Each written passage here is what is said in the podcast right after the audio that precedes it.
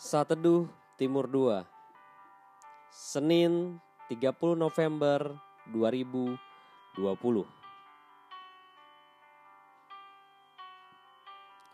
Yakin sepenuhnya.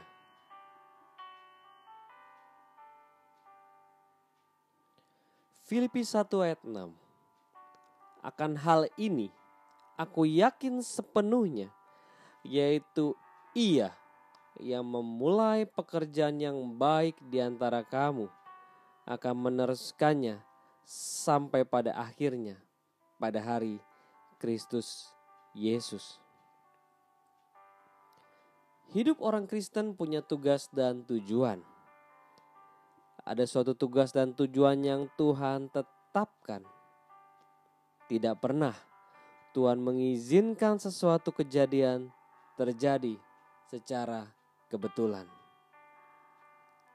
Dalam Ibrani 12 ayat 1 dikatakan, karena kita mempunyai banyak saksi, bagaikan awannya mengelilingi kita, marilah kita menanggalkan semua beban dan dosa yang begitu merintangi kita dan berlomba dengan tekun dalam perlombaan yang diwajibkan bagi kita.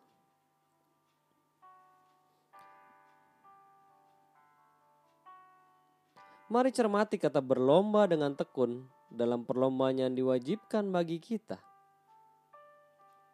Ada perlombaan yang harus kita lalui masing-masing, yang artinya ada tujuan Tuhan untuk kita kejar agar sampai. Tapi kita berkata, apa tujuan Tuhan dengan sakit yang kuderita? Apa tujuan Tuhan dengan kegagalan yang ku alami? Apa tujuan Tuhan dengan kesulitan ini? Apa tujuan Tuhan dengan penipuan yang ku alami? Apa tujuan Tuhan dengan air mata yang kurasakan? Dan apa tujuan Tuhan dengan kekecewaan yang aku alami?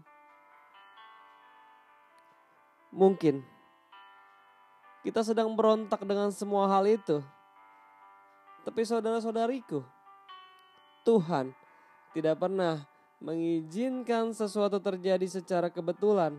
Bahkan satu helai rambut kita pun tidak akan jatuh tanpa seizin Tuhan.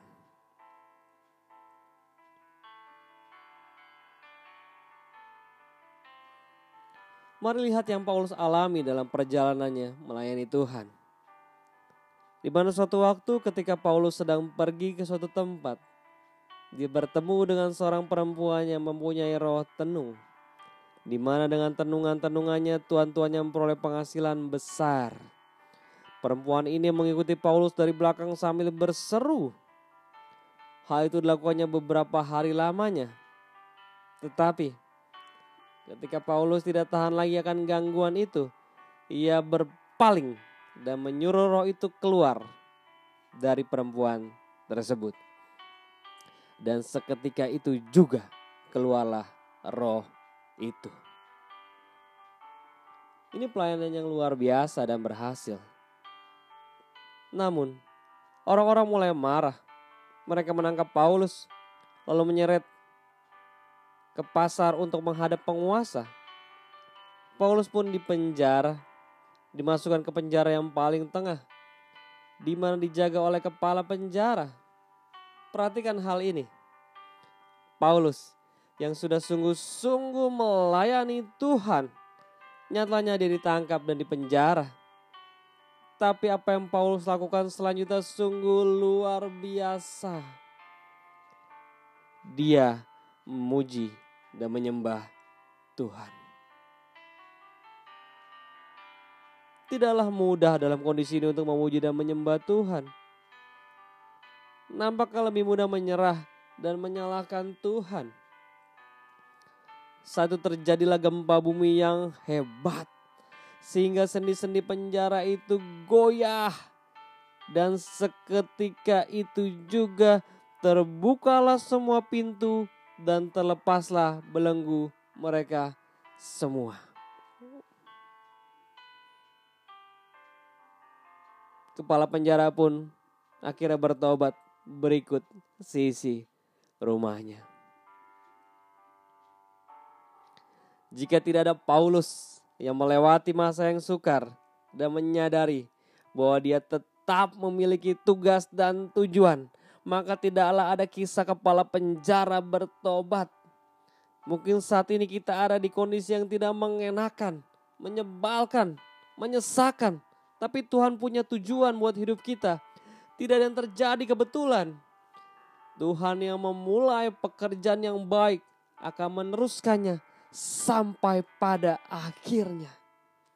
Lakukan bagian kita.